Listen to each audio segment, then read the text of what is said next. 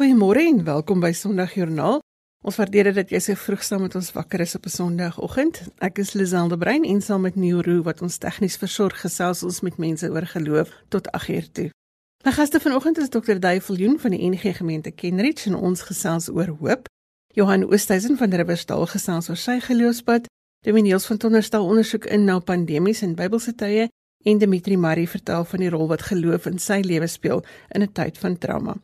Ons nooi jou uit om saam te gesels per SMS by 45889. Dit kos jou R1.50 per SMS en jy kan ook saamgesels op Facebook.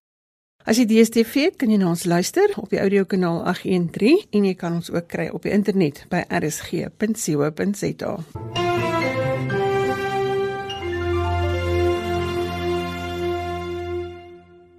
Die pandemie gaan dalk nog vir 'n rukkie ons narratief oorheers, al wil ons almal teruggaan na normaal toe. En ek het gewonder oor pandemies in die Bybelse tyd. Dominiels van Tonder help vir ons om vanoggend hieroor te gesels. Goeiemôre Niels. Goeiemôre, Giselle. Dit is baie lekker om weer 'n bietjie met julle te kan gesels. Niels, ons weet daar was pandemies in die Bybelse tyd. Hoe het die mense dit daai tyd hanteer? Dit is baie interessant, Lisel. Daar is 63 gevalle waarna in die Bybel verwys word waar spesifiek verwys word na pandemies of epidemies wat in die Bybelse tyd voorgekom het. Nou die meeste van daardie uh, pandemies en epidemies word in die Ou Testament na verwys. Die drie grootste en die belangrikste verwysings daarna kry ons in die eerste instansie in die boek Eksodus waarna die 10 plaae verwys word wat Egipte getref het voordat die farao toegelaat het dat die Israeliete kon trek. Nou, binne daardie 10 plaae was daar 3 groot siektes gewees wat genoem word. Die vyfde plaag, pes onder die vee, die sesde plaag, sfere en dan natuurlik die 10de plaag, die dood van die eersgeborenes. Die tweede groot uh, pes wat die volk getref het was tydens die volkstelling wat koning Dawid in Israel gehou het en omdat hy die stam Benjamin uitgesluit het uit die tel van die volk volgens 1 Kronieke 21 vers 6 tot 8 het 70000 mense as straf gesterf deur 'n pes waarmee die Here volgens die Bybelskrywer die land getref het. Die derde groot epidemie wat die land getref het was tydens Sanherib se mislukte beleg op Jerusalem in die jaar 701 voor Christus. En volgens die Bybelskrywer het die Assiriese laar buite Jerusalem deurgeloop met 'n pes wat die laar getref het. Nou nuwe navorsing het aan die lig gebring dat daardie pes deur 'n muisplaag veroorsaak was. Die muise het in die kosvoorrade ingevaar. Dit het die riempies van die skilde en die swaarde afgevreet. En dit het gelei tot 'n groot uitbreek wat meegebring het dat die Assiriese leer teruggetrek het. In die buitebybelse bronne is daar ook drie gevalle wat baie baie besonder is en groot opslag gemaak het. Gedurende die bronstyd is Egipte tydens die regeringstyd van Farao Amenhotep III en ook sy seun Akhenaten wat aanvanklik ook gebore was as uh, Amenhotep IV en hy sy naam verander het is hulle ook deur 'n builepes epidemie getref. Nou wat die datums nou baie belangrik maak is dat die datums speel 'n rol rondom ongeveer die tyd wat die groot uittog uit Egipte plaasgevind het. Die groot uittog het heel waarskynlik kort na die leeftyd van Amenhotep III en Akhenaten plaasgevind. Amenhotep III het aanvanklik in Karnak gebly. En vanweë die builepes wat die plek getref het, het hy sy paleis verskuif na Makata, 'n nuwe stad wat hy laat aanbou het. En dit verklaar ook waarom hy uitspattig baie beelde van Sekhet, dit is die god van peste en pla, laat oprig het. Dit verklaar ook verder waarom Akhenaten 'n soortgelyke ding gedoen het en hy vir hom 'n nuwe stad in Amarna laat bou het en hy slegs een god, Aten, as godheid aanvaar het. Die tweede groot voorbeeld is wat in die Hittitiese ryk plaasgevind het in ongeveer 1322 voor Christus. Die stad is ook met builepes getref en die builepes is heel waarskynlik aangedra deur die Egiptiese oorlogsgevangenes. Nou die bevinding is op nuwe navorsing gebaseer wat 'n teenstelling is van vroeëre vermoedes dat die ryk waarskynlik deur pokke getref is en tydens opgrawings is 'n gebed op 'n klein tablet ontdek waar volgens die Hittitiese koning Morsili die 2de by die gode gesmeek het om die plaag in sy land op te hef en dit vir sy vyande te gaan gee. En dan die derde voorbeeld in die buitebybelse bronne patologiese ondersoeke wat op die mummie van Ramses die 5de gedoen is. Nou Ramses die 5de het maar net 6 jaar regeer van 1150 tot 1145 voor Christus. En volgens die patologiese ondersoeke is te bevind dat hy aan pokke oorlede is. Niels, hoe het die mense destyds die uitbreek van hierdie pandemies verstaan? Ons moet nou onthou dat uh, gedurende die Bybelse tyd het mense nou nog nie oor die vermoë beskik om bakterieë mikroskopies te kon bestudeer nie. Die gevolg is dat mense rampe en siektes destyds geïnterpreteer het as boodskappe wat deur gode gestuur is. Die mense het geglo dat rampe, epidemies en pandemies die doel gehad het om mense oor hulle teenswoordige optrede te vermaan. Hulle het dit so verstaan dat die gode hulle deur lyding verplig het om opnuut op hulle pligsbesef en verantwoordelikhede te let en gevolglik regstellings in hulle lewe te maak. Die regstellings wat hulle in die lewe moes gaan maak, het hulle geglo het as opdrag van die gode gekom. Die effek daarvan was dat katastrofiese rampe aan die een kant as 'n vermaaning gedien het om in die toekoms nie weer dieselfde foute te maak nie en aan die ander kant het dit weer gelei tot revolusionêre veranderinge soos wat Akhenaten byvoorbeeld gedoen het. Hy het van die verering van veel godery ontslaag geraak en slegs een god, Aten, as godheid aanvaar. Nou die interessante is dat argeologiese bevindinge en navorsing het vasgestel dat die vlooie en luise van die Nylrot 'n groot oorsaak was tot die uitbreek van epidemies en pandemies soos wat dit natuurlik oorgevloei het na ander landstreke toe. En hierdie uitvloeiing van die builepes wat veroorsaak is deur die rotplaag van die Nylrivier is oorgedra deur die handel wat op die Nylrivier plaasgevind het en tussen lande plaasgevind het. Nou die verspreiding daarvan na ander lande het dan tot groot pandemiese gevolge gelei. Hoe het hulle die hierdie pandemies behandel dan in daardie tyd, Niels? Ja, in die Bybel bestaan daar baie stories oor mense wat om die een of ander rede siek geraak het en die rede vir hulle siekte verklaar is as 'n straf van gode oor iets wat hulle spesifiek verkeerd sou gedoen het. Nou die mense het oor al die eeue heen tot vandag toe nog die begeerte om die onbekende te verstaan. In die Bybelse tyd was dit maar dieselfde. Die Bybelse mens het ook probeer om die onverstaanbare te kan probeer verstaan en dit het meegebring dat hulle besondere raad gaan soek het of aan spesifieke rituele gaan deelneem het. Die Bybel verwys maar slegs 6 keer na dokters. Die bekendste dokter wat ons vanuit die Bybelse konteks ken is natuurlik Lukas. Lukas wat die evangelie volgens Lukas geskryf het en ook die boek Handelinge.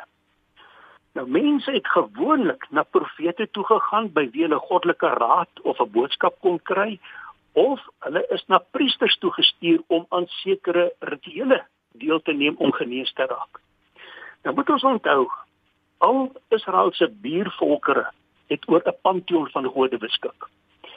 Mense het geglo dat elkeen van daardie gode mag en beheer oor 'n spesifieke gebied gehad het dit het die beheer van rampe en siekte ingesluit. In die Bybelse konteks waar slegs een God aanbid is, het die gelowiges geglo dat God alleen beheer het oor alle aspekte van die lewe. Dit beteken dat God dus gesien is as die enigste een wat vir sowel siekte as genesing verantwoordelik was. Profete is dus gesien as draers van God se boodskap in besonder in krisistye terwyl priesters deur rituele met God gekommunikeer het. as die oorsaak van siekte aan die mense verklaar is as deel van God se woede of iets wat verkeerd gedoen is, kon slegs God die herstel daarvan gee en daarvoor moes mense bid en hulle sonde voor God bely. En vir al die Ou Testamentiese deel van die Bybel was dit vir mense van groter belang om die oorsaak van siektes in rituele besweer te kry as om 'n mediese kuur daarvoor te kry. Dit beteken nou nie dat hulle nie preparate ontwikkel het om kwale te help genees nie. Dit beteken slegs dat mense destyds gedurende krisistye oplossings en antwoorde by God gaan soek het. Nou ja, daar is nou vir ons baie klomp interessante feite oor wat in daardie tyd gebeur het ook saam met pandemies. Ek was in gesprek met Dominiels van Tonder. Niels baie dankie dat jy 'n stukkie van jou kennis met ons gedeel het oor daardie tyd en dat jy saamgesels het vanoggend. Baie dankie Lisel, dit was vir my 'n groot voorreg dat ons weer 'n bietjie met mekaar kon gesels.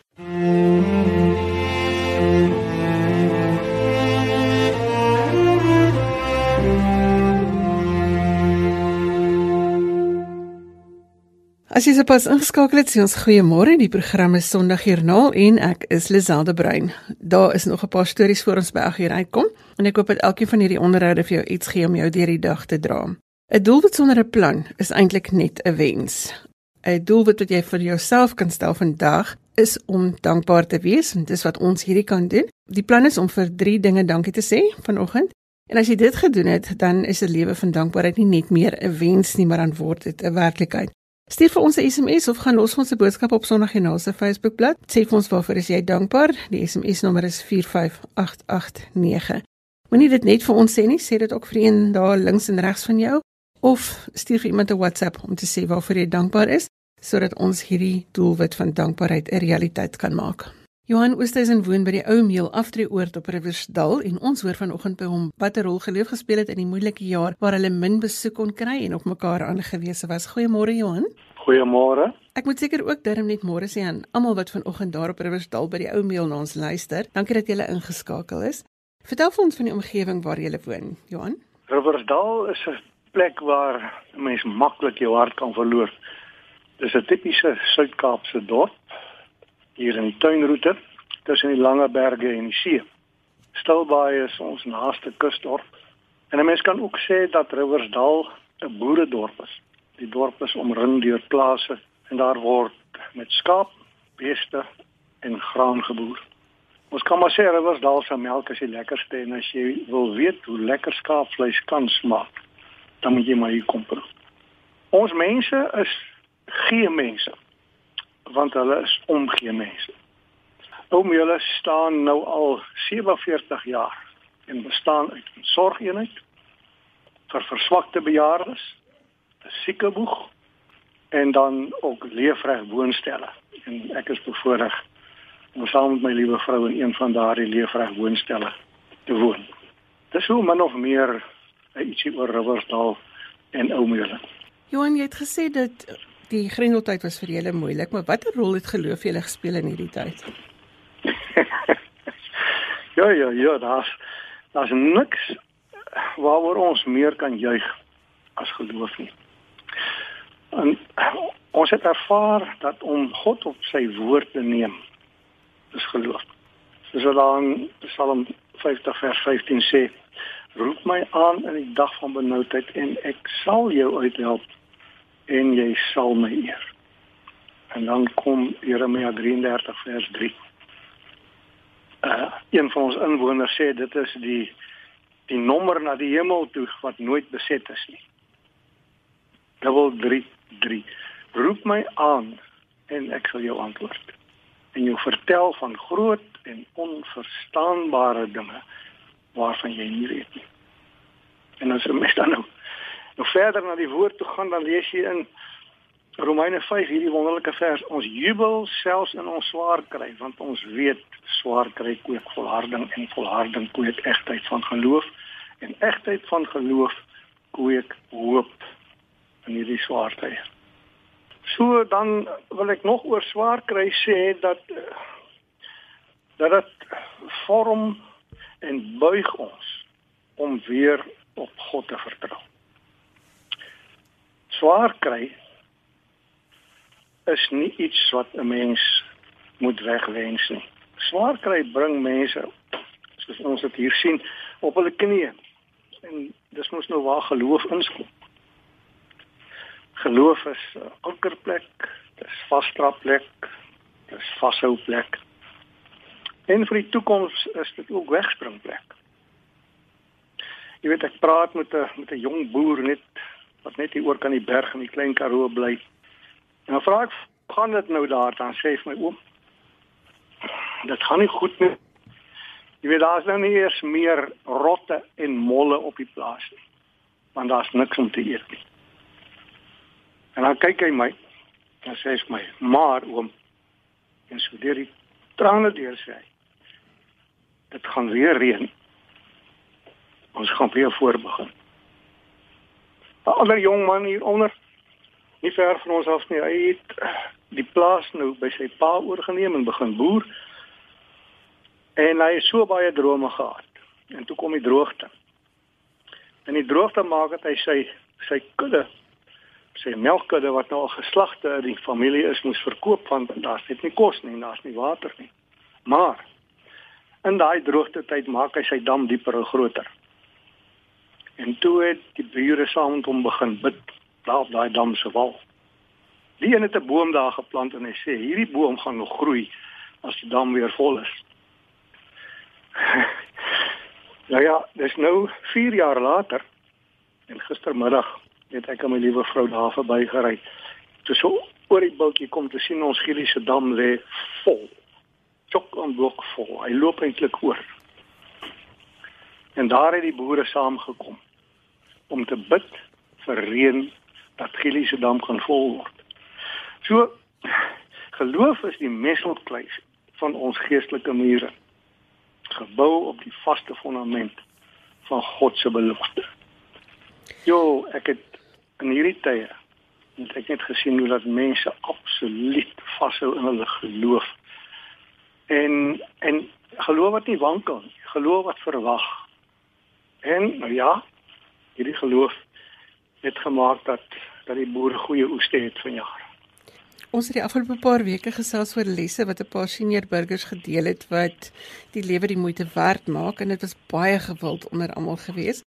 Wat is die dinge waarvoor jy dankbaar is in die lewe? Ja, weet jy ek is ek is dankbaar omdat die Here vir 'n mens deure oopmaak wat jy nooit eers van geweet het nie. Ek het my lewe vir die onderwys gegee. En toe kom die Here en hy en hy maak vir my 'n nuwe pad oop. Dit het daar in Thailand begin. Toe ons daar uitgereik het tydens kerkplanting na na die oues van daar daar wat eintlik nie versorg word nie. Hulle hulle word maar daar onder die bome op die banke gesit om dood te gaan. Daar's nie ouer huise en die soort van dinge nie. En daar het my hart oop gegaan vir vir die behoeftes van van bejaardes. En nou ja, toe teen alle verwagting in maak die Here toe vir ons die pad oop tot hier in Ou Meele. En toe gebeur daar 'n ding wat ek nooit in my lewe sal vergeet nie. Ons het uh, so optog deur die dorp gehad vir bejaardes en uh die wat op sleepbaans kon klim, sleepbaans geklim en die wat in rolstoele was moes gestoot word en ek het toe daar agter een van die rolstoele te staan gekom en uh, ek het besluit om haar te stoot en, en my vrou Marina het besluit om die een langs aan te stoot. En terwyl ek daar agter haar staan, toe bedui sy met die handjie. Sy wil iets vir my sê. En sy sê vir my, "Wie is jy? En hoekom staan jy agter my?" Toe sê ek vir haar wie ek is en dat ek haar graag deur die dorp wil stoot op haar rolstoel in die optog. En uh, na so rukkie toe wil sy weer my aandag trek en sy buig af na haar toe want sy kan nie hard praat en sy sê hoekom staan jy hier? En ek sê vir haar, omdat ek lief is vir tannie. en toe sê sy, kan ek maar vir jou seën? Ek sê toe ja, sekerlik. Toe luister ek daar na haar en, en en wie sy sê, Here, dankie vir hierdie vreemdeling wat hom vandag oor my ontferp. Nou ja, daar het ek 'n liefde gekry vir die mense waarna toe die Here vir ons gestuur het. En vandat ek hier is, kan ons maar net getuig van van geloof wat mense aan die gang geraak het. Omdat mense nie ophou glo het nie. Uh het die Here wonderlike dinge laat plaasvind. jy weet ons is deur hierdie grendeltydperk en ons het nie een as gevolg van die COVID pandemie verloor nie. Nie een enkele een. En daarom kan ons maar net met dankbaarheid dat die Here toe opkyk. En hier dan dan kom daardie wonderlike gesange wat ons gesing het. Uh kom dank nou almal God met hart en mond en hande. Loof hom wat wonders doen. Here, hoe blymoedig en in dank oorvloedig maak U my hart. U gee ons U seën soos 'n milde reën. U vertroos in smart. Ja, ons weet in al ons lewe leef ons onder U genade. Vrees ons nie die kwade. Dis wat dit vir ons beteken in hierdie moeilike tye. Ons kan maar net dankie sê. En so gesels Johan Oosthuizen, hy woon in die ou Mele Afteroord op Riversdal waar hy 'n groot rol gespeel het om almal deur die COVID tyd by te staan en seker te maak dat dit met almal goed gaan. Johan, baie dankie vir die saamgesels vanoggend. Dit was 'n voorreg geweest. Seën vir julle. Goeiemôre hier vanuit Kaapstad. Jy luister na Sondagjoernaal en ons soek al die positiewe stories waar geloof 'n verskil maak. Jy kan gerus van jou laat hoor. My e-posadres is lazel@wwmedia.co.za of jy kan vir ons SMS by 45889. Laat weet vir ons wat dit is wat jou laat haleluja sing vanoggend. Ons hoor graag van jou. Dimitri Marie is 'n kollega in Radio Omroep hier in die Wes-Kaap wat koortjies laat hoor op 'n Sondagmiddag en ons gesels vanoggend met hom oor sy geloofspad. Goeiemôre Dimitri. Goeiemôre Lisel. Is dit reg as ek sê koortjies laat hoor? Verseker. Ehm um, ja, ek dink dit is uh, wat ons mense hier in die Kaap uh na in die hart is. Ek dink elkeen het uh, daardie spesiale koortjie. Veral in ons tye waar ons so bietjie afvoel, is daar altyd daai een koortjie wat vir ons 'n bietjie opbeer, jy weet. Ons het ja wat sulke koortjies wat ons hier gebruik. Gee eens gou vinnig vir ons agtergrond van wie Dimitri is. Dimitri is 'n uh, omroeper, soos hy genoem het en uh ja, 'n bietjie laat in my lewe het ek besef wat my roeping is as omroeper en uh dit het begin toe die Here my geroep het en jy weet uh vir my gesê het uh, gee op dit wat jy nou doen en kom werk vir my. Glad nie idee gehad wat God vir my beplan het nie. En ja, ek het vir 20 jaar in die drukkery bedryf gewerk, um as 'n DTP operator.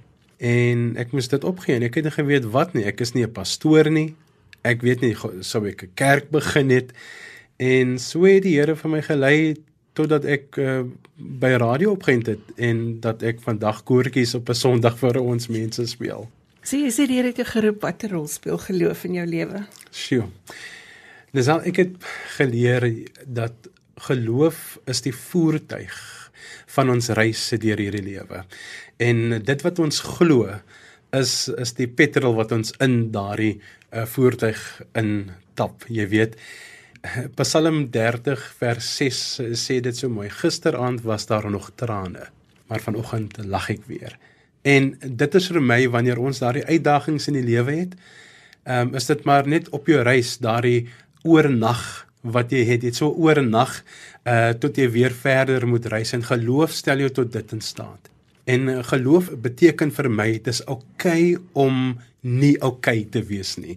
En dit is daardie oornag uh proses. So soms moet ons maar net inboek by die BNB en uh, ons moet maar net toelaat dat ons, jy weet, so bietjie bederf word.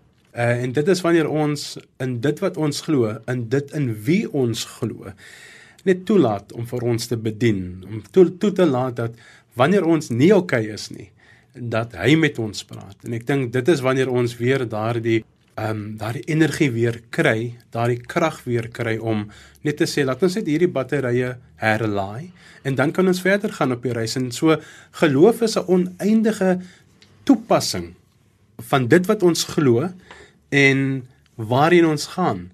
En so hierdie reis is maar uh, nie 'n maklike een nie. Ehm um, die brieke hulle uh fail soms en uh, maar nog steeds kan ons daar herstelwerk en met so 'n bietjie workshop toe gaan en uh, en en dan uh, kry ons weer nuwe moed om verder te reis. Jou pa is onlangs oorlede Dimitri en die dood is altyd 'n groot trauma om te verwerk. Hoe het geloof jou hierdeur gedra en wat het jy gedoen om hierdie trauma te verwerk? Ek het nou net gesê geloof is 'n voertuig. Ehm um, deur die reis van die lewe en hierdie was vir my 'n groter slag as wat ek gedink het. En ek het nou onlangs um, hierdie uh, filosofie van geloof as voertuig het ek dit nou eers so bietjie in myself uh, begin laat verstaan want wat ek nie kon verstaan het nie dat ek nie so maklik my pa se dood kon verwerk het nie. Ek is nog steeds op hierdie oomblik as ek met jou sit, het ek net gister nog baie depressief gevoel en ek het daardie daardie oor nag tyd gehad in die B&B. Ek moes gaan incheck het en uh, ek het nie okay gevoel nie. En vanoggend het ek gedink ek kan verder gaan. Ek kan nog lag want my petrol is dit waarin ek glo, in wie ek glo.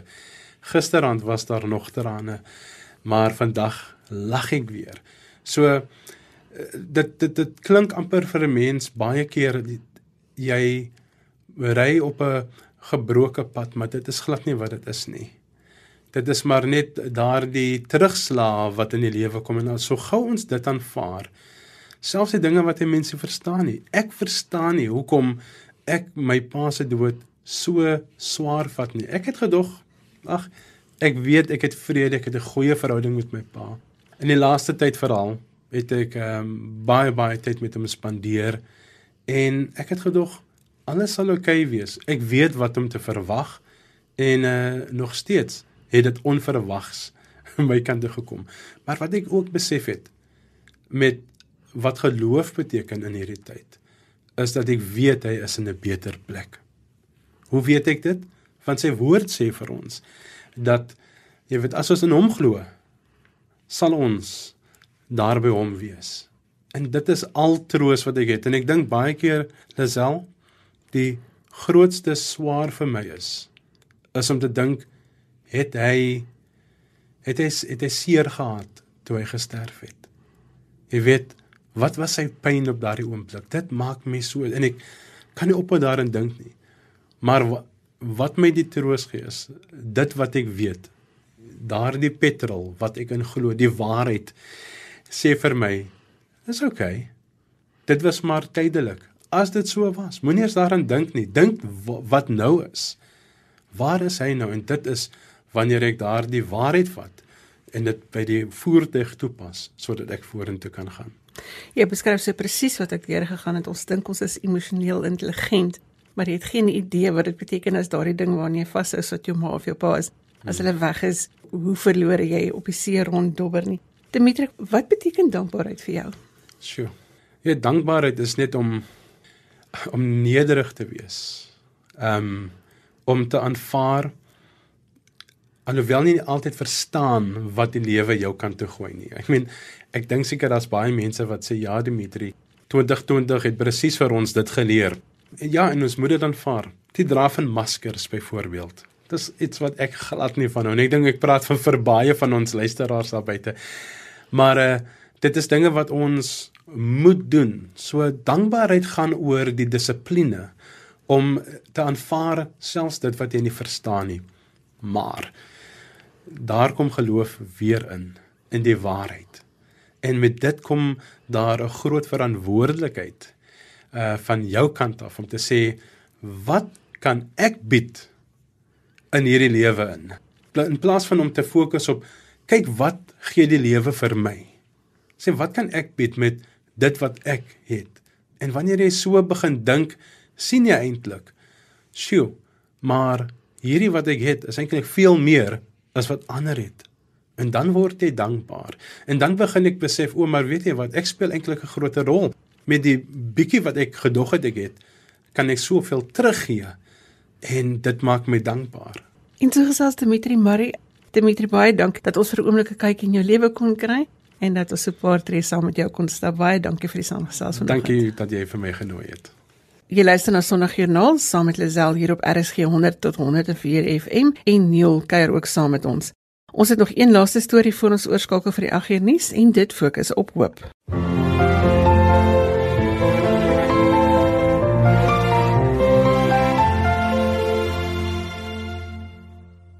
Dr. Duiveljoen is van die NG Gemeente in Kenridge en hy gaan vanoggend vir ons help om te verstaan wat dit beteken as ons sê Jesus is koning, veral in 'n tyd wat dit vir ons voel asof die wêreld op sy kop gedraai is. Goeiemôre Duif. Goeiemôre Lisel.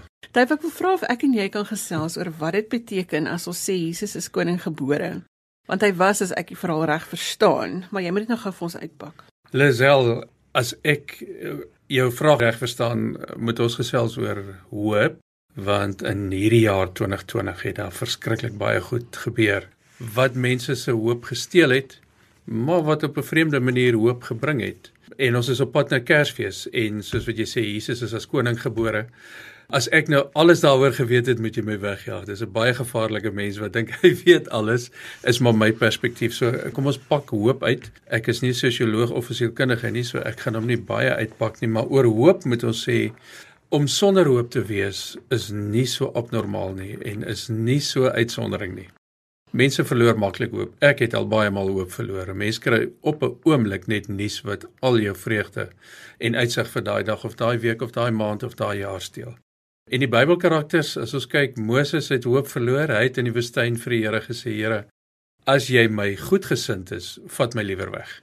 Ek het nou genoeg swaar gekry." En ons lees van Jona wat vies geword het vir die Here se groot genade van Ninive.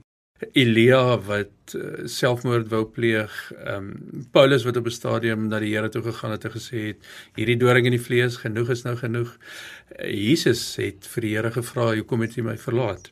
Uh, so die punt wat ek net wil maak, mense wat hoop verloor op 'n dag is nie ongelowig nie, is nie sondig nie, is nie die verre abnormale uitsondering nie. Dit is ek dink meer die reël as die uitsondering. So om hoop te verloor, maar om hopeloos te bly leef. Ehm um, is om Jesus Christus se lewe te ignoreer. Ehm um, wat het Jesus vir ons gebring nou om Jesus se koningsstorie deur die Bybel te vat, wil ek so spring van klip tot klip uh, want dit is 'n langerige debat. Kom ek begin in die Ou Testament. Ehm um, na Moses hulle die leiers en die regtertyd het die volk vir Samuel gesê: "Samuel, ons het nou genoeg leiers gehad. Ons wil soos die ander volke ook 'n koning hê." En toe Samuel en die Here saamgesels en hulle het gesê maar dis eintlik 'n verkeerde ding en die Here het die volk probeer waarsku weet julle waarvoor laat julle julle in daar in 1 Samuel 8 en daarna om 'n koning oor julle te kry. Maar hulle het gesê nee, hulle wil 'n koning kry. En toe die Here gesê maar gee vir hulle koning. En ons ken die verhale mooi van die eerste 3 konings veral Saul en Dawid en Salomo. En 'n mens moet oor die koning sê want hulle was aanvanklik benaam uh, as jy die troonbestygingspsalms lees, dan was hulle die seun van God. En dit moes die koning se werk gewees het om te kyk dat niemand onderdruk word nie, dat almal hoop kry, dat die weduwees en die wese nie uitgebuit word nie, dat afgode nie aanbid word nie. Maar die konings het soos die mense van die aarde misluk daarin. Daar was so 'n paar soos Hiskia onder andere wat die Here gehoorsaam gevolg het, maar die koningsverhaal was op 'n uitsterfpad um, en en dit het al slegter gegaan. Jesus is gebore as koning. Matteus 2 vertel mooi hoe die sterrekykers daar aangekom het en vir koning Herodes gaan vra, "Waar is hy wat as koning van die Jode gebore word?" En hier is die geskiedenis baie interessant. Koning Herodes was baie jaloers op koning Jesus wat gebore word.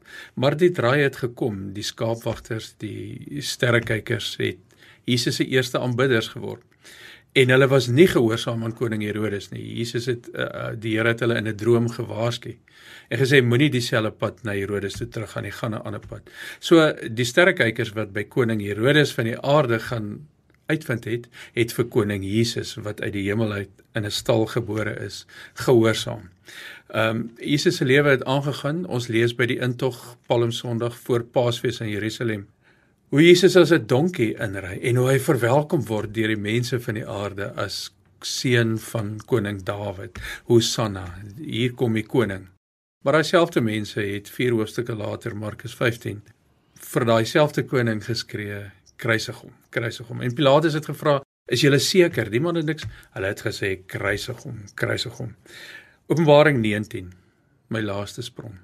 Lees ons hoe die ruiter op die wit perd teen sy heup 'n naam geskrywe het. Die koning van die konings en die Here van alle heersers. Baie belangrik. Daar waar 'n normale soldaat wat gaan oorlog maak, se swaard gehang het, staan geskrywe koning van die konings. So Jesus behaal sy koningskap met liefde, met sagtheid, met vergifnis, sonder 'n swaard. So ek dink as ons die koningsverhaal koppel aan hoop, koppel aan COVID-19 in die wêreld, nie net in Suid-Afrika nie, dan is die punt waarskynlik om te maak hoop setel in Jesus Christus. Maar hoop is vir elkeen beskikbaar. Dit vra ook 'n lewensverandering. Dink jy 2020 het mense se hoop kom steel? Lisel, my persoonlike oortuiging is dit het definitief baie mense se hoop gesteel. Ek en jy lees en weet en hoor en ken mense wat werk verloor het, wat inkomsteloos is, wat besighede wat toegemaak het. Dit moet slegte nuus ook wees. COVID-19 het ook vir ons op ons knieë weer geneem. COVID-19 het ook um, my organisasie is 'n kerk en ek dink COVID-19 het ons gemeente 'n klompie jare vorentoe geslinger in die geskiedenis en op 'n manier gelukkig het ons op ons voete geland en en kon ons aangaan. COVID-19 het verseker goed en kwaad na mense toe gebring en na die wêreld toe gebring. Dave, hoe ontrafel mense hierdie konsep van hoop? Lisel, um, as ek nou oor hoop enigsins iets moet sê, dan kan dit net uit 'n Christelike perspektief wees. Die verlosser in my lewe en in die plek waar ek werk, die kerk, is net een, die een wat in Nasaret gebore is. Ehm um, en reg van die begin af was die groot sukkel om te verstaan dat dit 'n ander koning is as wat die wêreld altyd geken het. Dit is een wat in 'n stal gebore is, wat moet vlug vir sy lewe, wat ehm um, verneder is. Filippense 2 sê mos mooi Hy het nie aan sy godheid vasgeklou nie. Hy het mens geword, hy het slaaf geword, hy het gekruisigde geword. En so het die oorwinning deurgebreek en het hy die naam gekry wat bo elke naam is. So hoop sou ek sê as ons in Christus vir hom wil navolg, moet hoop my verander. Maar ek moenie die hoop verorber nie. Ek moet dit weer veroorsaak in ander mense se lewens. 'n Gestuurde hoop, dink ek, maak van my en die wêreld 'n beter plek. Dink jy die Bybel kan in hierdie tyd vir mense hoop bring? Lisel, ek dink definitief die Bybel bring vir mense hoop, maar soos wat ek vir jou gesê het, daar's twee kante. Jesus Christus se kruisdood, opstanding, die Gees wat uitgestort is wat my en die res van die wêreld ehm um, regeer en al meer wil regeer, uh is hoop, maar dit is nie hoop op 'n afstand nie. Dit is nie onaangeraakte hoop nie. Dit is hoop wat my verander. En uh, daar's vreeslike mooi voorbeeld Eugene Peterson wat ongelukkig oorlede is, maar wat die message vertaling gedoen het, um, jy sal weet wie hy is. Hy het gesê hoop en woeker vind sy mooiste beslag daarin as ek my beywer dat God in die wêreld word wie hy veronderstel is om te wees, dat sy wil geskied. As God kan wees wie hy is, is daar hoop vir die hele wêreld. So die Bybelse hoop moet vir my beweeg dat ek vir God in sy met respek gesê regmatige plek in die wêreld beweeg ek moet hoop bly veroorsaak in ander mense se lewens. Kom ons sluit gou-gou af met 'n kykie na die geskiedenis van die kerk, mense of insidente waar dit ons hoop kan put. O, oh, baie dankie. Ja. Ehm um, ja, die eerste ene wat ek wil noem, Henry Nouwen het altyd gesê, ehm um, Jesus het oorwinning behaal, maar mense moet elke dag aan twee goed van Jesus vashou aan sy vernedering en aan sy oorwinning. En aan sy vernedering kant is ek mens tussen ander mense. Ek is nie beter as enigiemand anders nie. Ek probeer verskille maak en ek as gelowige is geroep om verskil te maak in alle ander mense se lewens. Ek het 'n mooi skrywe gelees, 'n uh, communique wat die paus in 2020 uitgestuur het in sy een van sy fratelli tutti, dit beteken alle broeders, so 'n communique. Um ek kan nie alsin onthou nie, maar die een mooi ding wat hy daarin gesê het en hy sê dit dan vir die hele wêreld is jy kan nie vrede bereik deur oorlog nie. En dit is nie net op die slagveld en in die Midde-Ooste en die oorloggetuistere plekke waarvan hy praat nie. As ek na 'n vergadering toe gaan, as ek na 'n gesprek toe gaan, na 'n beplanningssessie as ek gaan om iemand anders plat te hardloop met my argumente of as ek gaan om my punt af te dwing dan gaan maak ek oorlog en dan kan daar nie vrede wees nie dit was vir my regtig treffend uh, Paus Fransis uh, maak mooi uitsprake en hierdie is vir my een van hulle Um, ek dink ek wil nog eenetjie vir jou noem Friedrich Myconius hy was in Martin Luther en Johannes Calvin se tyd een van die minder bekende ehm um, hervormers van die Lutherse kerk. Ehm um, twee mooi goed oor hom. Die ene is Myconius was aan die sterf en hy het met 'n bewende hand vir Martin Luther 'n brief gestuur en gesê Martin, ek is aan die sterf. Hy kon eintlik nie eens mooi skryf nie. Toe Martin Luther dit hoor, toe stuur hy 'n boodskap terug. Toe sê hy: "Geen manier nie. Jy is te kosbaar vir die hervorming. Die Here sal nooit toelaat dat jy sterf nie. Jy gaan my nog oorleef." Dis waarvoor ek bid, want dit gaan nie oor my nie, dit gaan oor die Here. Dit gaan oor die hervorming. En die interessante wat gebeur, Friedrich Myconius het al beter en al sterker geword, nog 6 jaar geleef vir Martin Luther met 2 maande oorleef.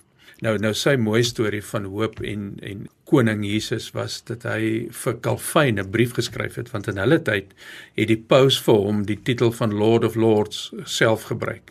En toe het Myconius vir Calvin 'n brief geskryf en gesê: "Ek is so bly, my koning van alle konings en my Here van alle heersers is Jesus Christus, want anders was ek desperaat sonder hoop."